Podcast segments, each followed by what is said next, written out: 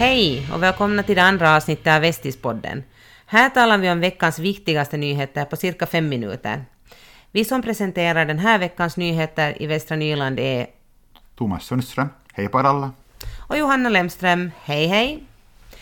Sen förra veckans avsnitt sändes så har ett enda ord snurrat i allas huvuden. Och vi snackar förstås om corona. Världen har stannat upp. Finland är försatt i undantagsförhållande, vilket bland annat innebär att vi alla ska undvika onödiga sociala kontakter. Just det. I måndags trädde regeringen fram med en rad direktiv om hur vi alla ska hantera coronakrisen. Det fanns många olika ärenden, de facto 19 olika punkter, som alla på något sätt påverkar oss. Men det som berör väldigt många är förstås utbildningen och inte minst grundskolornas. Sen i onsdags studerar väldigt många elever på distans, vilket förstås sätter sina krav på såväl skolor som på hemmen. Ja, de enda som får närundervisning i skolorna är elever i årskurserna 1-3 som har föräldrar som arbetar med samhällsbärande uppgifter. Det gäller till exempel barn till vårdpersonal, poliser och lärare. Och också specialbarn omfattas av den här regeln om närundervisning.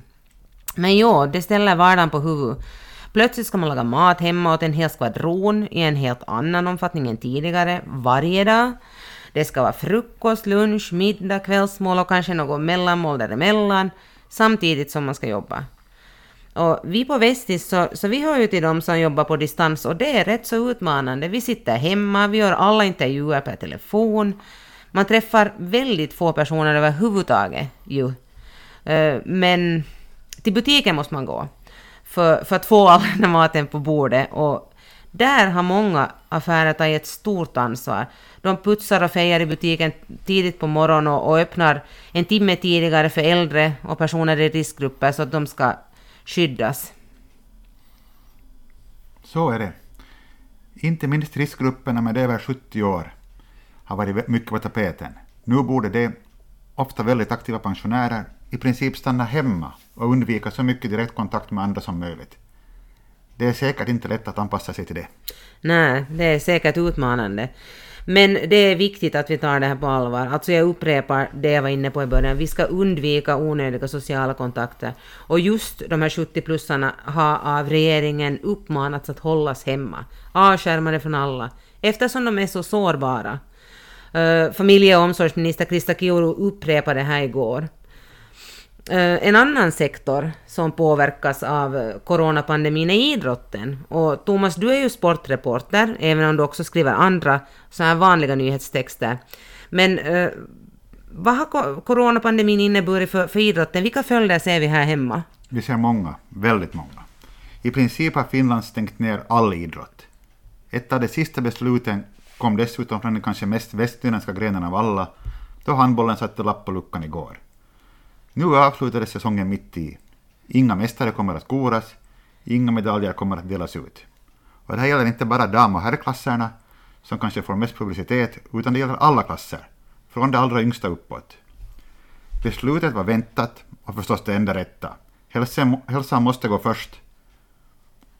Det som är lite intressant är att man samtidigt ser på fortsättningen och fördelningen av de finländska platserna till Europacuperna.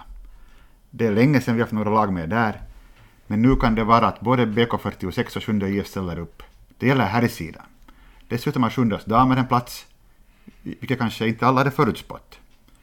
Men här är förstås mycket öppet. Det handlar om stora satsningar, inte minst ekonomiska, och sedan behöver man också slagkraftiga lag. Så vi får se vad som händer. För handbollen och andra vinter, vintersporter tog säsongen slut mitt i.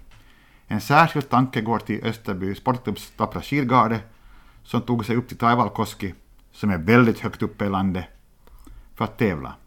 När man kom dit möttes man av beskedet att tävlingarna var inhiberade och säsongen också över för dem. De traditionella sommargrenarna får å sin sida vänta på att komma igång. Till exempel fotbollssäsongens start har skjutits fram och nu hoppas man i Ekenäs IF på seriestart, i, i division 1 i juni någon gång. Men det säger sig självt. Först måste man få bukt på coronan, sen kan man börja tänka på att idrotta igen. Så är det. Och vi ska börja avrunda för den här veckan. Men ta hand om varandra där ute. Ring till varandra, prata över video, håll kontakten med teknikens hjälp. Och vinka på avstånd. Hej då! Bye bye!